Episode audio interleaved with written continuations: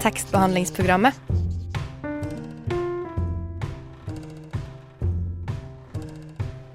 Tekstbehandling på radio.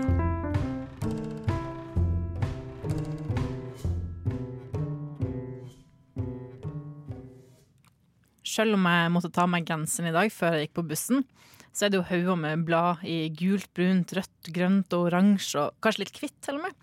Eh, Disse haugene har dukka opp rundt omkring i byen. Det betyr at høsten er i anmarsj, og bokhøsten er jo i gang for fullt. Jeg heter Stine Spjelkavik Hansen, og i dag har jeg med, eh, med meg Sara Engesvik i studio. Og Helje Marie Thorsdatter Svensson eh, har vi også med oss på teknikk. Og vi tre skal være med, med deg den neste timen, og vi skal oppdatere deg på høstens utgivelser. Litt sånn kjapt, men jeg og Sara har også snakka med to av høstens debutanter. Ja, du har jo snakket med Bruno Jovanovic, som har skrevet, eh, kommet med sin første bok. Og jeg har snakket med Pauline Østgaard, som også har kommet med sin første bok. Og i tillegg til det så skal vi høre Emily, som har skrevet et eh, kjærlighetsbrev til Deichman. Og Alva, som har tenkt litt på om litteraturen kan bli for brutal. Ja. Så det blir en veldig spennende time eh, vi har i vente, rett og slett. Hvis du går hjem med noen og de ikke har bøker, ikke knull dem. Hilsen tekstbehandlingsprogrammet. Vi er tekstbehandlingsprogrammet. Jeg heter Stine, og med meg har jeg hos Sara. Og vi skal snakke om bokhøsten. Hva skal vi lese? Har vi lest noe allerede? Um, Det er ganske mange store forfattere som kommer med bøker i år, eller har kommet. Knausgård kommer, Nesbø, Frode Grytten, Edvard Hoem, Lars Ramsli, Tove Nilsen, Heidi Linde og Hanne Ørstavik. Vi har også Helga Flatland, Lars Mytting, Roy Jacobsen, Vigdis Hjorth, Sondre Lillebø og Kjersti Annesdatter Skomsvold. Det er mange. Sara. Ja, hva tenker du om denne lista? Har du lest noe allerede? Hva har du gleda deg mest til? Jeg kan ikke si at jeg har lest noen ting av det nye som kommer denne høsten, unntatt da de to debutantene som vi skal høre fra senere. Men eh, jeg gleder meg jo kanskje mest til Knausgård sin, i og med at den høres eh, bare ut som noe annet enn det han har gitt ut før. Og jeg er veldig svak for sånn derre litt eh, Litt sånn derre fantastisk, ikke helt virkelig type Ja, fordi tematikk. Morgenstjerne, som den vel heter, handler Mm. om, om at det plutselig dukker opp en komet på himmelen. Så det er litt sånn science fiction-aktig dommedagsroman. Ja, om ting man ikke helt forstår, og litt sånn mørk. har jeg også lest, ja. Eh, men ellers så eh, gleder jeg meg også til eh, en eh, ny bok av den grønlandske forfatteren Niviak Korneliussen, Som eh, eh, Den heter 'Blomsterdalen', og hun har tidligere gitt ut 'Homo sapienne' som ble veldig godt eh, tatt imot og ble nominert til Nordisk litteraturpris. Eh, men den tar for seg sånn, den selvmordsproblematikken som nå er veldig kritisk på Grønland. Ja, det er jo ganske mørkt. Mm, veldig. Så, så den gleder jeg meg til å lese. Ja, jeg har allerede starta litt. Jeg har lest eh, Cezanne Shakar Gul bok, som Emily og Alva snakka litt om i forrige sending. Eh, den likte jeg veldig godt. Det er på en måte en slags eh, Ikke en oppfølger til Tante Ulrikkes vei, men den fortsetter på en måte eh, innretninga, som en av karakterene er i ferd med å gå i den boka, selv om det ikke er samme karakter. Eh, litt byråkrati, litt oppvekst, litt sånn familieproblemer. Uh, den var veldig lettlest. nesten i ett strekk, så å si. Kjempefin. Uh, litt både spennende og litt rørende. og alt det som egentlig man fikk i Sant Ulrikkes vei. Litt av den samme stemninga og type eh, karakterer, kan man si. Eh, så den syns jeg var kjempebra. Og så har jeg også begynt å lese eh, litt av det som vi kommer til å snakke litt mer om senere, eller høre litt mer om.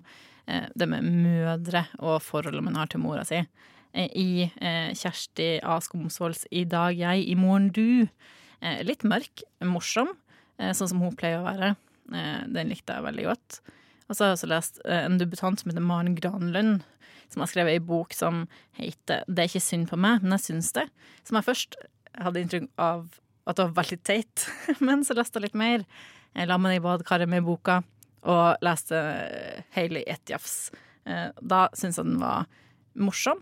Eh, Man bare trenger litt tid. Det er lett å tenke at den er liksom banal. Litt sånn notatform. Jeg tenkte dette kan være hvem som helst sine mobilnotater. Men så var det noe der likevel. Så den eh, syns jeg man skal gi en sjanse. Eh, ellers er det jo altså Ørstavik eh, jeg er veldig nysgjerrig på. Og Knausgård, selvfølgelig. Ja. Du har jo kommet godt i gang. Jeg får helt uh... Nei, men altså Ja. eh, Jeg hadde, hadde en ganske slapp lesesommer, så hadde det gått godt å liksom hive seg over de tingene som man har lyst til å lese. Ja. Skomsvold er en evig favoritt. Eh, kanskje får vi snakka med henne i løpet av høsten. Det er vært hvert veldig lov å håpe. Vi skal snart høre eh, våre intervjuer da, med debutantene Bruno Jovankovic og Pauline Østgaard. Men før det så skal vi til Skåveien og Skåv 2. På tide å skru på tekstbehandlingsprogrammet. Yndlingssykkelen de siste seks-sju månedene er en enhjulssykkel. Vi har Marie Eibert på besøk. Jeg og Eline. Marie og Bær. Jeg tenker alltid at en T slutter med ø, h, h, h, h, utropstegn, utropstegn. Det er bare tekstbehandlingsprogrammet. Nei, det var ikke så mye å si. Her på eh, Radio Nova så snakker vi om bokhøsten i tekstbehandlingsprogrammet.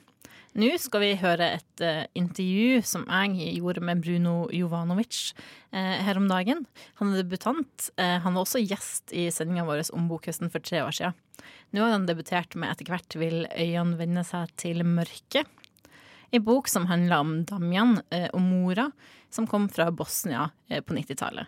Um, Damjan må hjelpe mora da hun blir syk, og setter livet sitt på vent. Noe som går ut over både karrieren hans og kjærligheten til eh, kjæresten Philip. Vi skal høre hva Bruno hadde å si nå.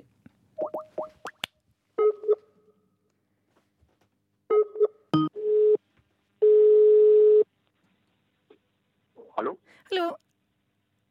Hører du meg nå? Ja. Ja, hurra! Jeg har jo litt lyst til å si velkommen tilbake. For for tre år siden så var du gjest i sendinga vår om bokhøsten, men da som ekspert. Og nå, denne bokhøsten, så er du jo forfatter.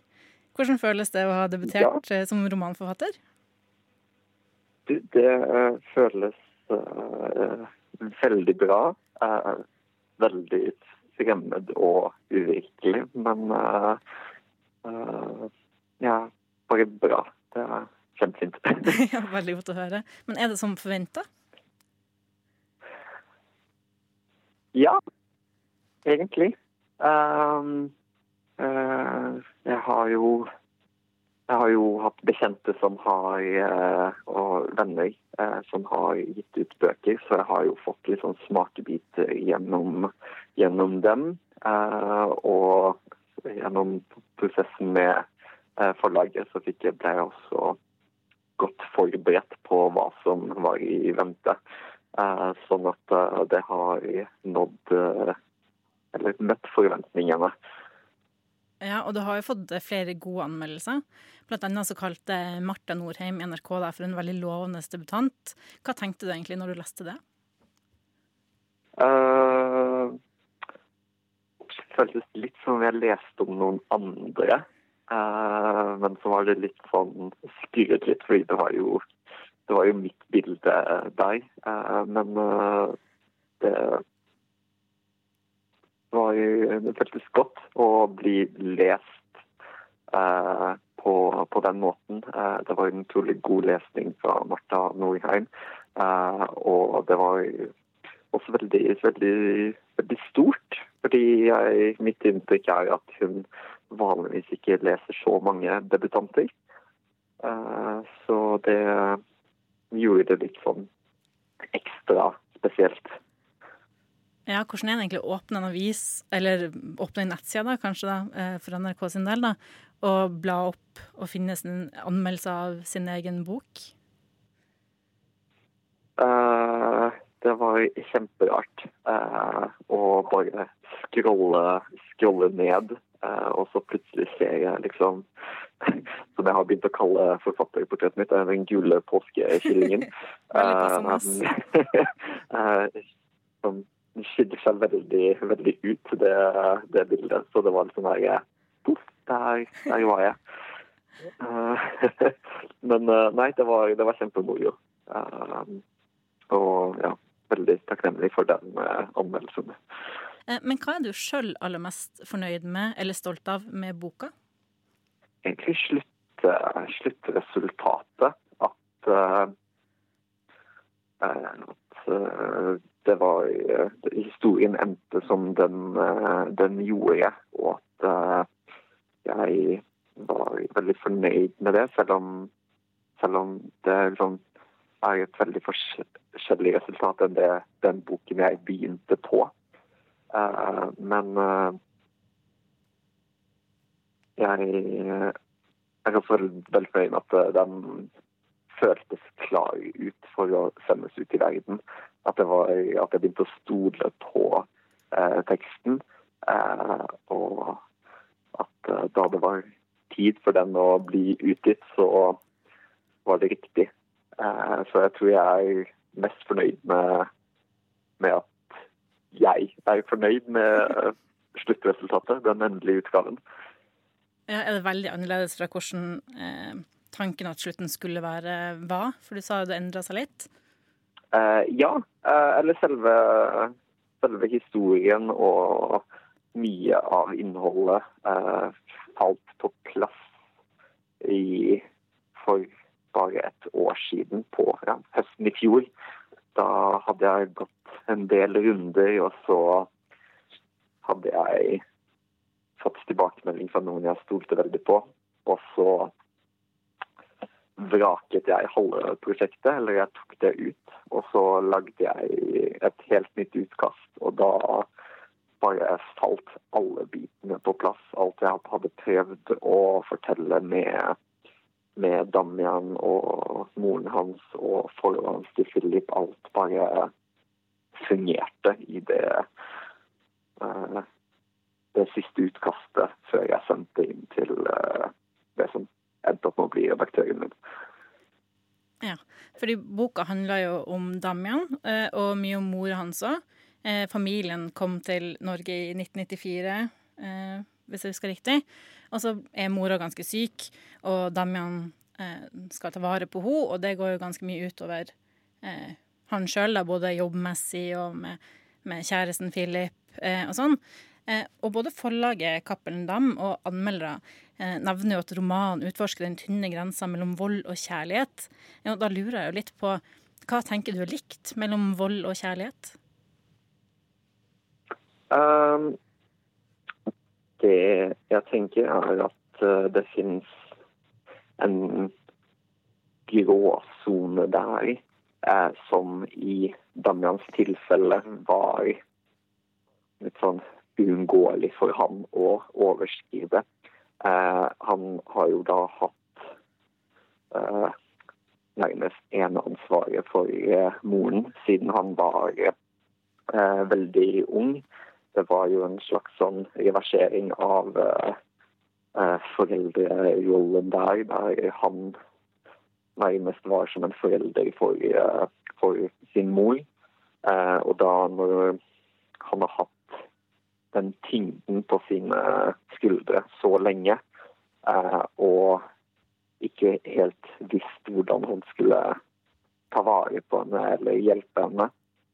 Så da, når han er voksen og fremdeles da ikke vet bedre, da eh, var det veldig lett for han eh, å nærmest eh, diktere hvordan hvordan morens tilværelse skulle være idet han får henne til å flytte inn, og det han tror hjelper henne, men egentlig så behandler han henne ikke så, så, bra i måten han tror at han medisinerer henne og eh, følger opp eh, med hennes sykdom. Mm. Så ja. Ja. Og han setter jo på en måte livet sitt litt til side da, for å hjelpe mora, som du var inne på. Eh, og som leser så føler jo jeg at han jeg føler i hvert fall at han kjenner på både forakt og avmakt kanskje da, over moras tilstand. At det er litt sånn håpløst, da, samtidig som han jo tar mye kontroll over hennes liv. da. Eh, Men hva tenker du er det som gjør at man er villig til å ofre så mye? For han ofrer jo på en måte karrieren sin da, til dels, og sitt eget kjærlighetsforhold eh, på mange måter. Mm. Uh, jeg tenker han er han er, han er villig til å ofre de delene for å hjelpe, hjelpe moren sin. Eh, det er eh, Hun er jo Selv om hun har gitt ham veldig mye smerte og har vært med å forme ham på både godt og vondt, så er hun også den viktigste personen i hans liv. Og han har det veldig for seg at med familien, det er de man, det er de man hjelper. Og siden det bare har vært Damian og mora eh, i store deler av livet hans, i hvert fall etter at faren deres dro eh, i en ung alder, eller for Damian, Mm. eh, så har det alltid vært dem to.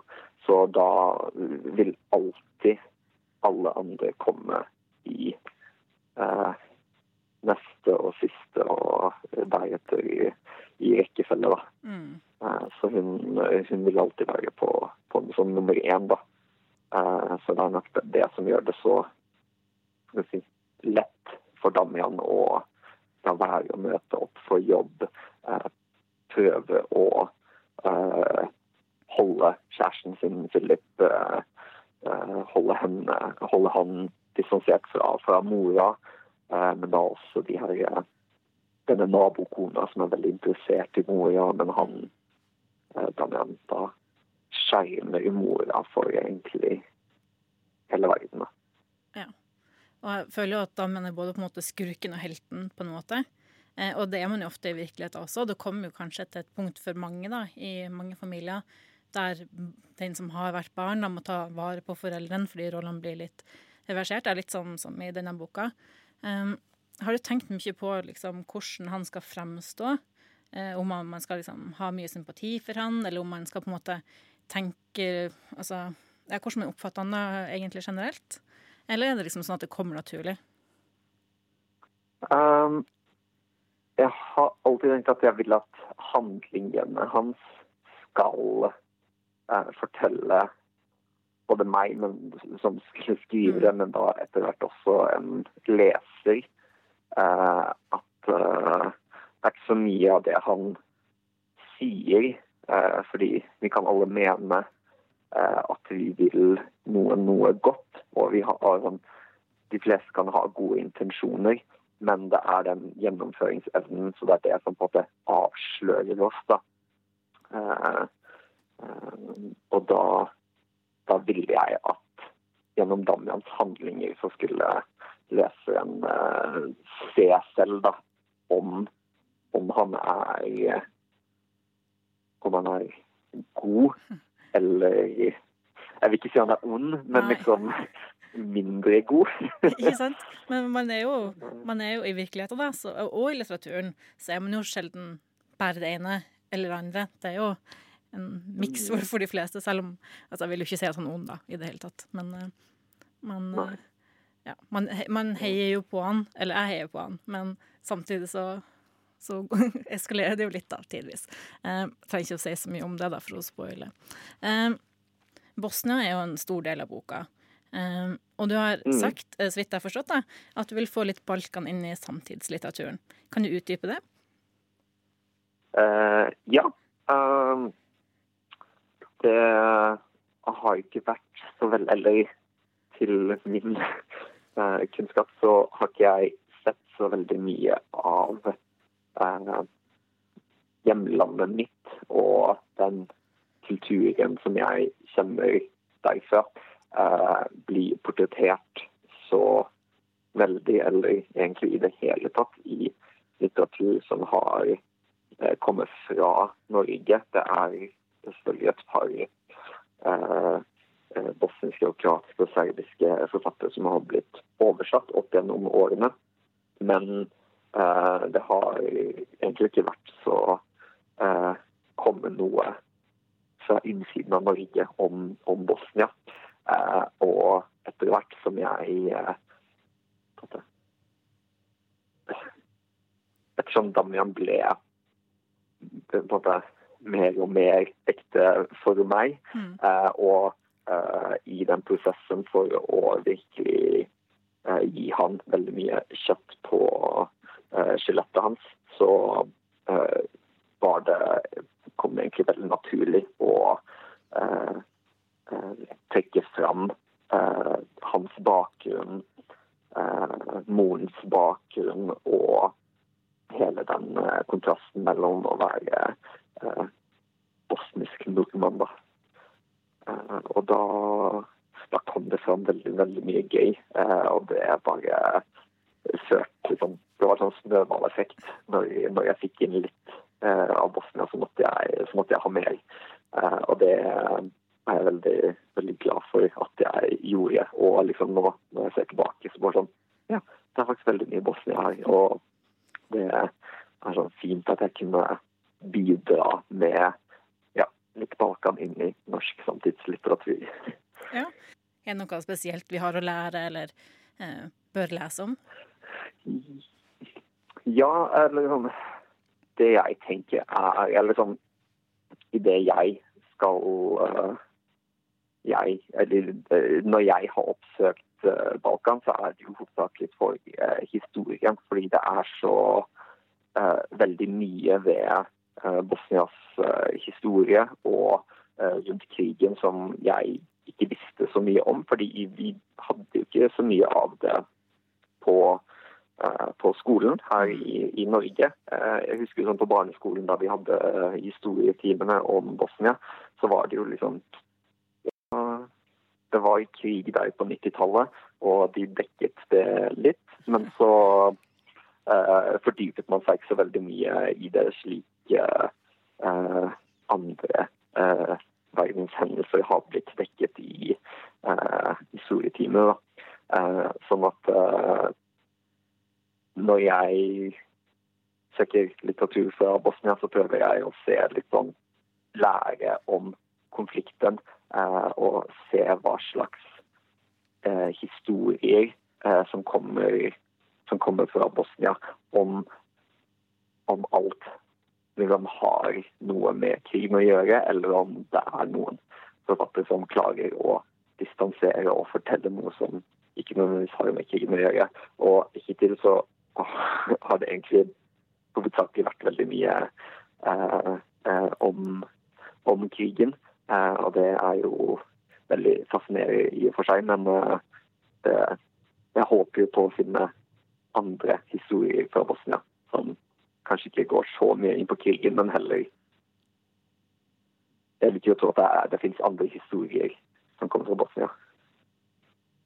Ja, Hvis det er svart på spørsmålet ditt. Ja, veldig fint. Um, men siden vi egentlig da, i denne sendinga som dette intervjuet er en del av, snakker om bokhøsten, uh, hva tenker du om bokhøsten ellers, da?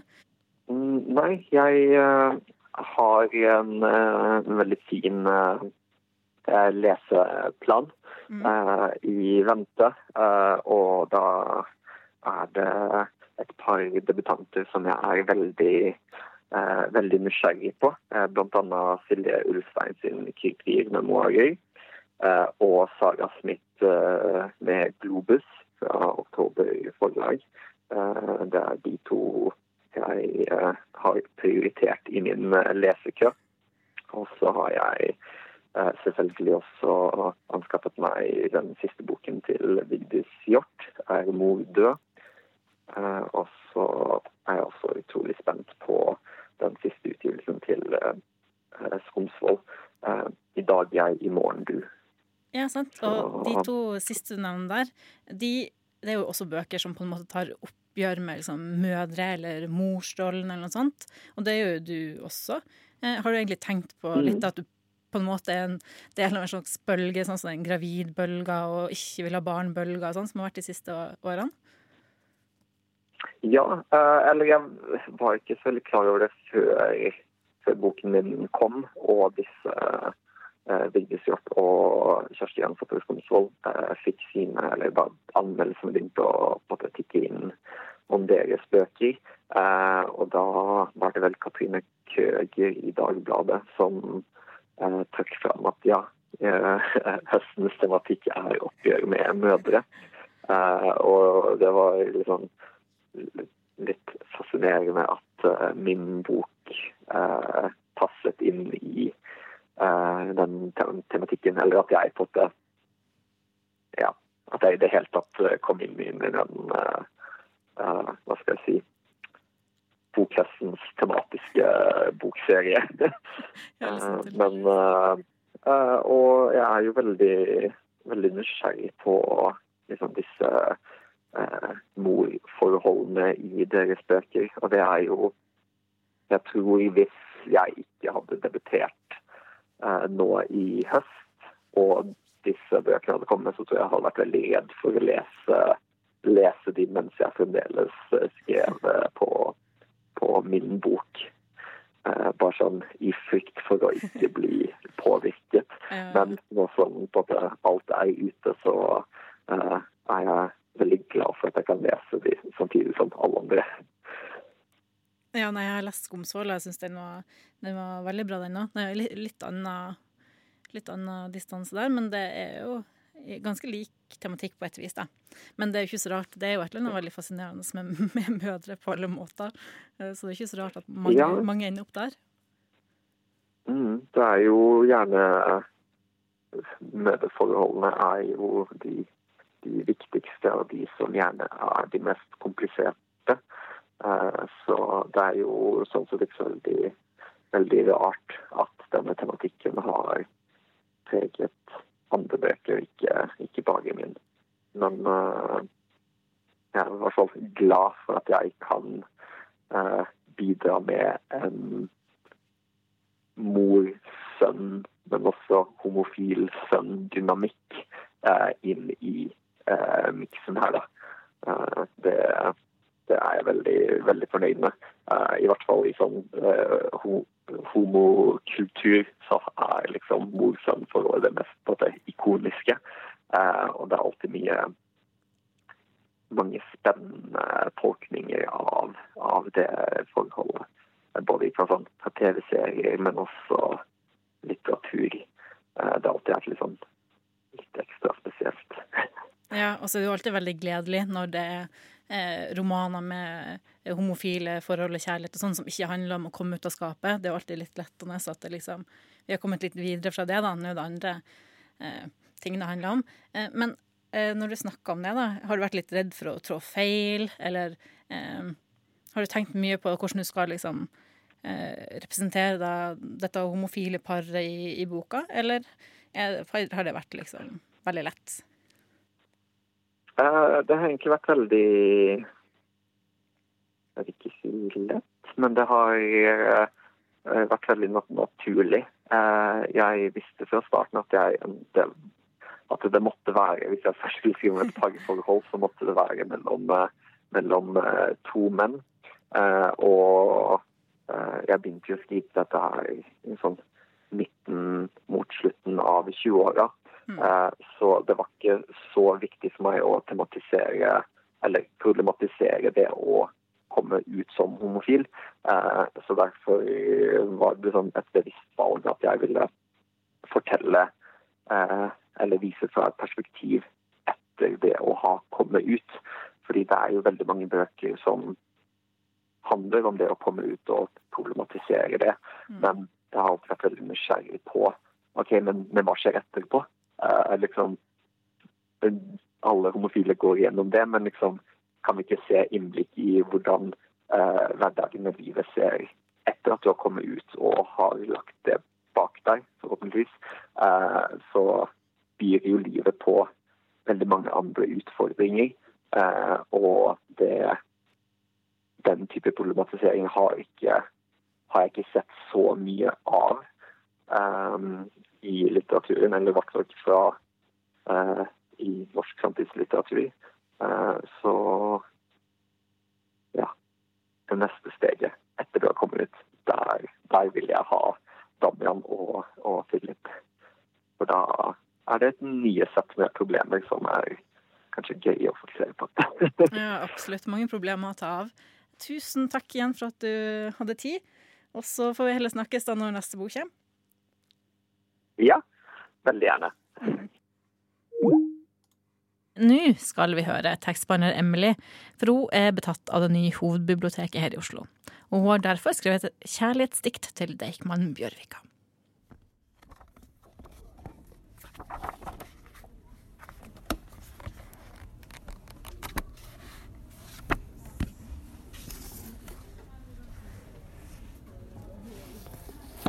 Kjære Deichman Bjørvika.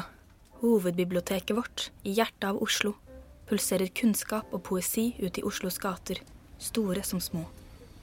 This is a love poem for you, baby. Hovedbiblioteket, mitt kjøpesenter på Anne Katt Vestlis plass, selger av ord, bilder og lyd. Drit i shopping, det er formidling som gjelder.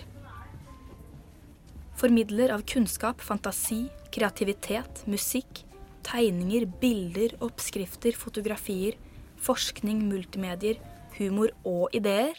Ja takk. Wow, Deichman Bjørvika. Jeg må bare si at I'm in love with the shape of you. Du ligner på en bok, synes jeg. I form, altså. Og jeg digger bøker. Førsteinntrykket i første etasje er første klasses. Hvite og gule, figurative, tomme skyer møter meg og de tusen andre som får plass der inne, som en positiv invitasjon av den abstrakte typen. Pusten tas fra meg, og jeg lukter en blomstereng av skrevne ord. Wow. I andre etasje My Lord. En eventyrverden for barn. Nettet med skjerm, fuglefjellet med etasjer, hulen med puter, hus man kan sitte i, pulter reservert bare for barn. Hvems idé var det? Det er nydelig. Er det seks eller 15 etasjer? Hvem vet? Alle emnene er et mysterium. Det er alltid noe å oppdage. Er det bøker eller nye åpne rom? Du har film, scene, kunst, musikk og noter, fantasy og sci-fi i samme etasje. Bro, det er fett! Jeg lærer om ideer, jeg lærer om natur, teknikk og helse. Si et tema, og jeg lover Deichman Bjørvika har det. Biblioteket skal være for alle. Og Bjørvika kan være for alle. Men er ikke dette forventet av et bibliotek? Jo. Men Deichman har ikke bare det. De har lamper formet som elefanter. De har shuffleboard. De har innspillingsrom. De har antibac. De har konserter, verksted, planter fra bakken og dampmaskin. Det er svært. Deichman, du er min lekeplass.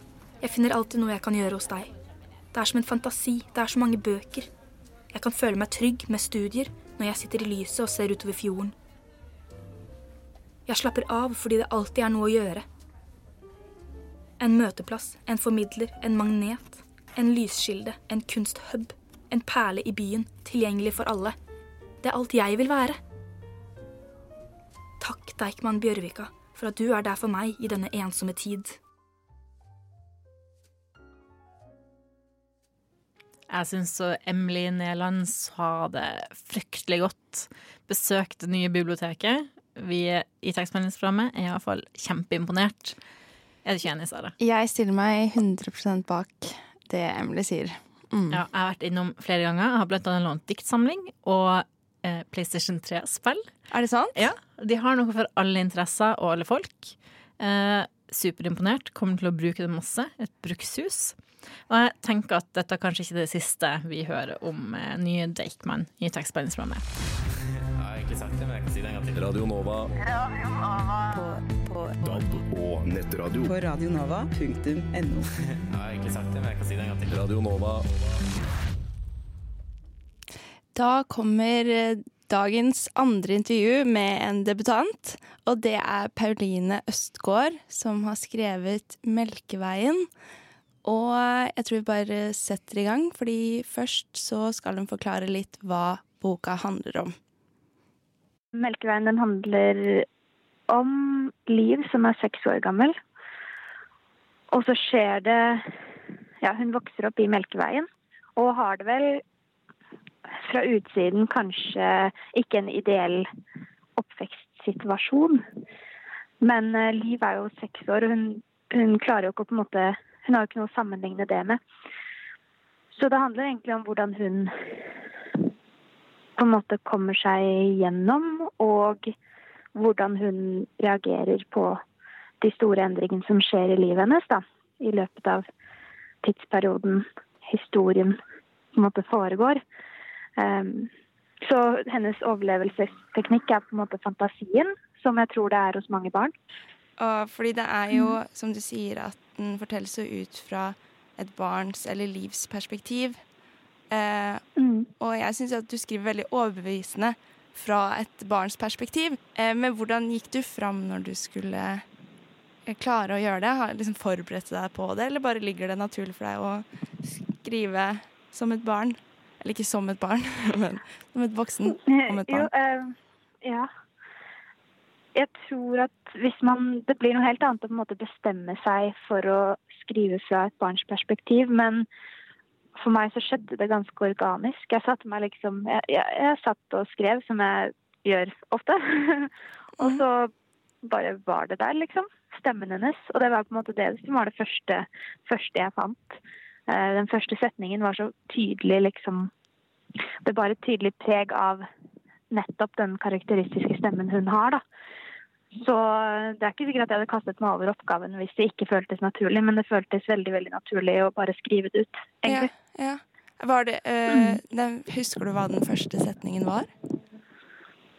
Ja, den, det gjør jeg. Den er faktisk ikke med i boka lenger, men øh, den første setningen var med helt frem til februar i år, tror jeg. Så da hadde jeg jobbet med det i nesten et år, og da var den fortsatt med. Og det var mammaen, pappaen og jenta har bodd ved fjell og under vann, men det husker de ikke.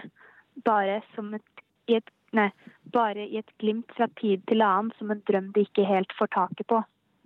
Hvordan føltes det å skulle stryke den eh, etter så lang tid? Eh, ja. Jeg tviholdt i den ganske lenge. Ja. Og så skjønte jeg i februar, da på en måte redaktøren sa at nei, nå syns han boka var Nå synes han var liksom ferdig. Og da kjente jeg med meg selv at jeg syns egentlig hele første halvdel ikke var helt riktig. Så da satte jeg meg ned og skrev hele halvdel, første halvdel på nytt. Er det sant? Og da var det ja, da var det på en måte naturlig at den også røk. Men, eh, men det er et lite sånn sårt punkt, fordi jeg, jeg, hadde, jeg tviholdt lenge i den, liksom. Ja, det, det skjønner jeg. Eh, du, du sa jo i den første setningen så sa du at mammaen og pappaen og jenta eh, Og det er jo et liksom, grep du bruker gjennom hele boka, at karakterene har ofte liksom kallenavn. Eh, At de liksom kalles pappaen og mammaen. Eh, og at hun til og med selv kaller seg selv jenta. Eh, Mm. Er det Kan du si noe om hvorfor du har skrevet det sånn? Eh, Ja, altså det er jo Det viktigste for meg gjennom hele prosessen har vært å være tro mot liv, da, og på en måte hennes stemme og hvordan hun formulerer ting. Så det at det ble mammaen og pappaen, var egentlig det, det var sånn det skulle være. Og så husker jeg vi hadde litt diskusjoner, jeg og redaktøren, på hvorvidt vi skulle ha mammaen og pappaen eller mor og far. Fordi at han, han tenkte at vi skulle prøve å heve på en måte, prøve å gjøre det mer voksent. da. Men eh, da sa jeg, eller det fant jeg ganske fort ut av at ble feil for Liv. Eh, Så da fikk det på en måte bare briste eller bære. Eh, For det var det, var det hun sa, og da, da ble det liksom det som ble fasiten, da. Ja, den handler jo mye om å være, være barn og voksen. Hun, Liv er jo også veldig opptatt av voksne og barn, eller sånn forskjellen der. Eh, I Mhm. hvert fall nevner hun det noen ganger. Mm.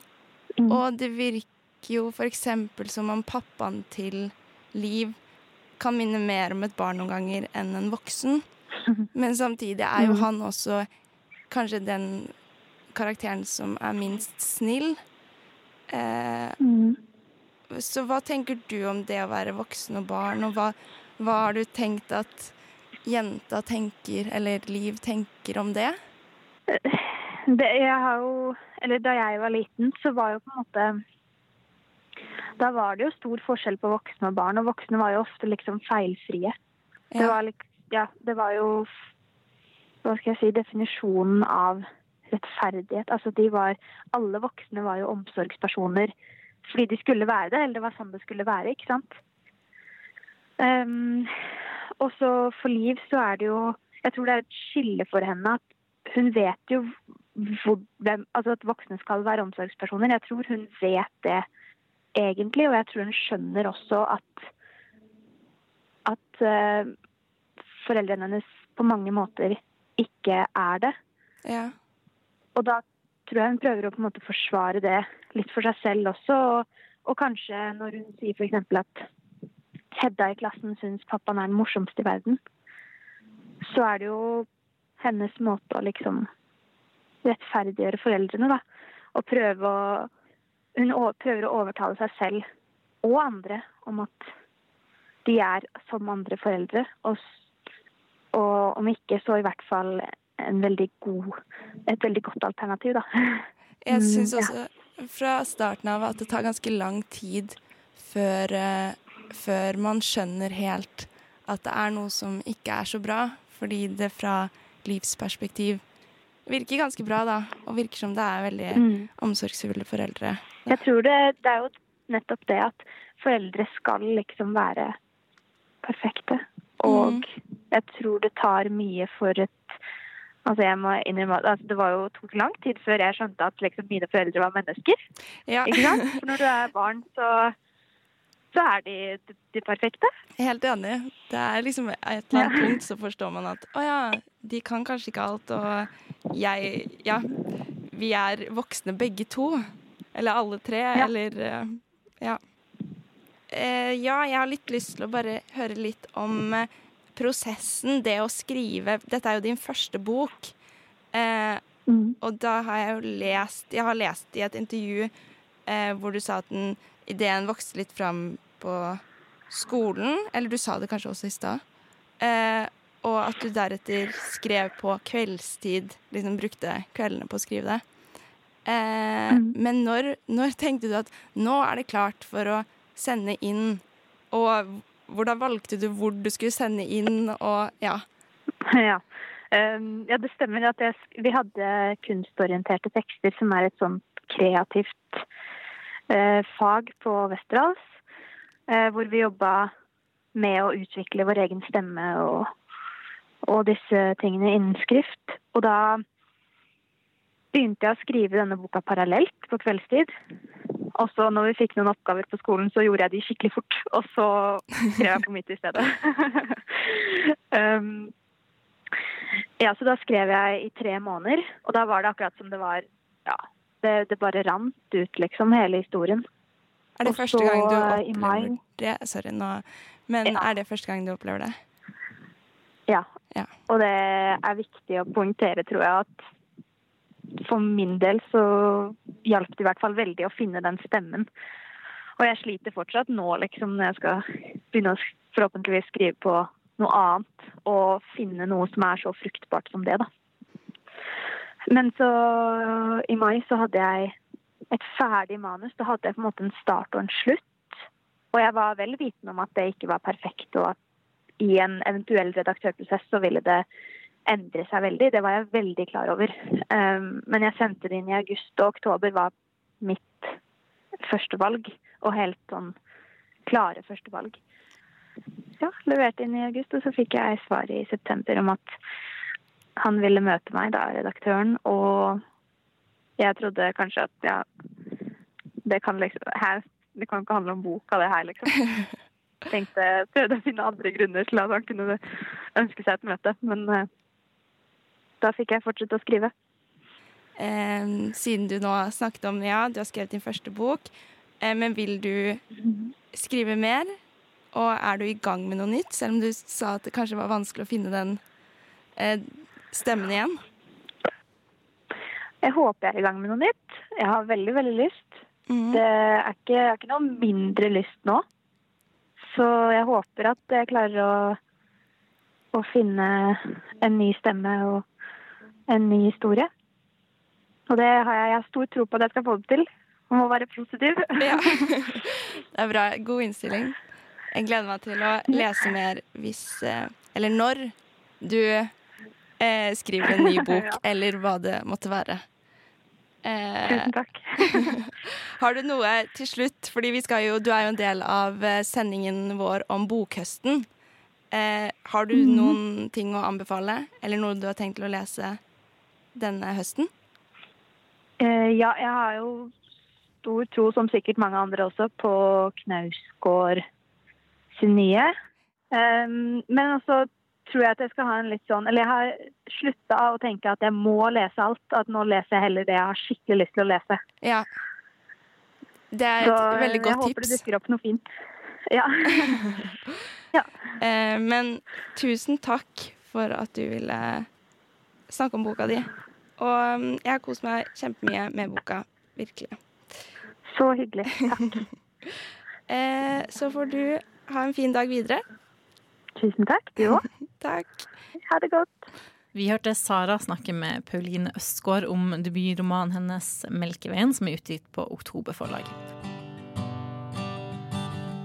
Du hører på tekstbehandlingsprogrammet. Radio Novas beste og eneste litteraturmagasin. Vi skal over til tekstbehandler Alva.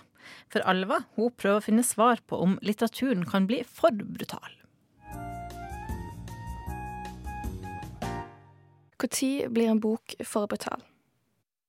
Og gjør det meg til en dårlig leser hvis jeg ikke klarer å lese og betale bøker? Går jeg glipp av perspektivet jeg kunne ha trengt? Eller finnes det faktisk en grense på når en bok blir for tung å lese?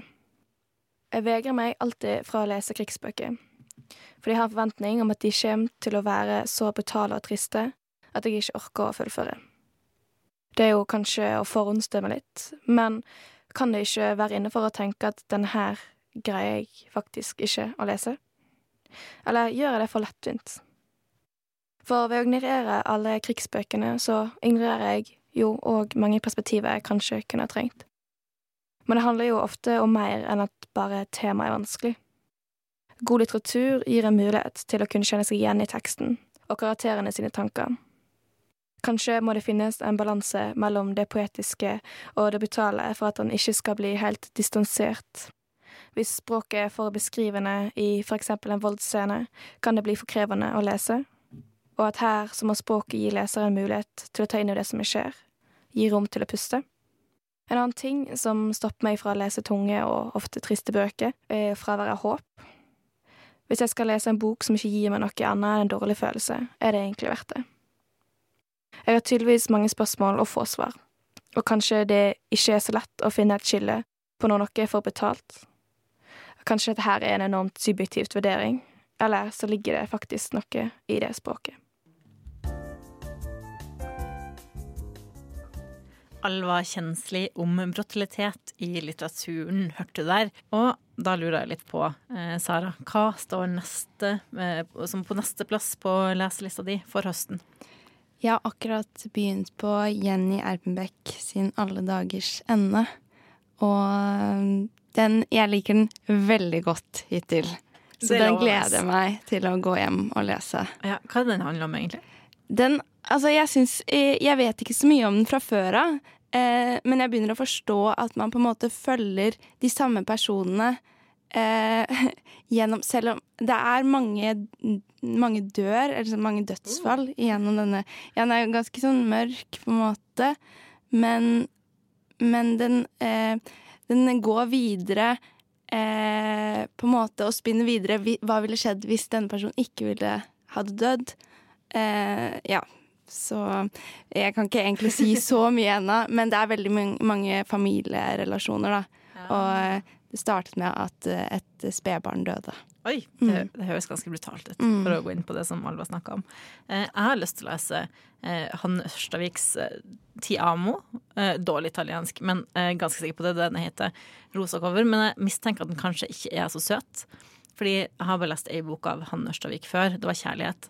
Og den var altså jævlig brutal. Og det var tungt å lese. Lettlest, men tung, fordi stoffet er så tungt. Og den handla jo om eh, mor og sønn, så det er liksom trasig forhold. eh, Skikkelig tragisk, egentlig. Men anbefaler boka kjempemasse. Eh, Kort, eh, lettlest, men heavy. eh, Skikkelig. Og jeg har hørt da at, at Hanne Ørstavik skriver mye om den type relasjoner. Eh, Det handler mye om mødre og sånn. Og det snakka jo jeg litt med Bruno om. Og det nevnte vi innledningsvis også. At mødre det er, det er litt vind. Det har jo vært det de siste årene. Ja, Både den gravidbølgen og det sånn 'jeg vil ikke ha unger'-bølgen. Og nå mer sånn utforsking av de ulike forholdene mellom barn og, og mødre, da. Ja, ja jeg, den Pauline sin bok også handlet jo også om ja, mødre og fedre og ja. Ja, og det er ikke så rart at det går igjen igjen og igjen i litteraturen og kunsten generelt, fordi det er klassisk tema, mye å ta av, mange perspektiver. Og det har jo gjort at vi har tenkt at i løpet av høsten, ganske presis om to uker fra nå, så skal vi ha ei sending der vi eh, vier hele sendinga til mødre. Eh, så vi får tenke litt på hva, hva vi skal snakke om da. Ja, hva vi skal lese og Det er mye å ta, da. Ja, så vi må prøve å snevre det inn. Men mødre blir det iallfall. Kanskje blir Sandra Lillebø. Hun er også aktuell med en bok eh, som har fått litt kritikk, eh, men mest på grunn av promotering av den. Eh, Det var Bernhard Ellefsen i Morgenbladet som gjorde det. Vi kan snakke mer om det, kanskje. Vi, vi får se hva vi, hva vi får til. Neste uke så skal det være en del snakk om musikk og låttekster. Men dette var rett og slett alt det vi fikk tid til i dag. Eh, tusen takk for at du har hørt på. Eh, på si takk til oss i studio. Tusen takk til Hellige Marie Thorsdatter Svensson, som har hjulpet oss med teknikken. Eh, vi høres.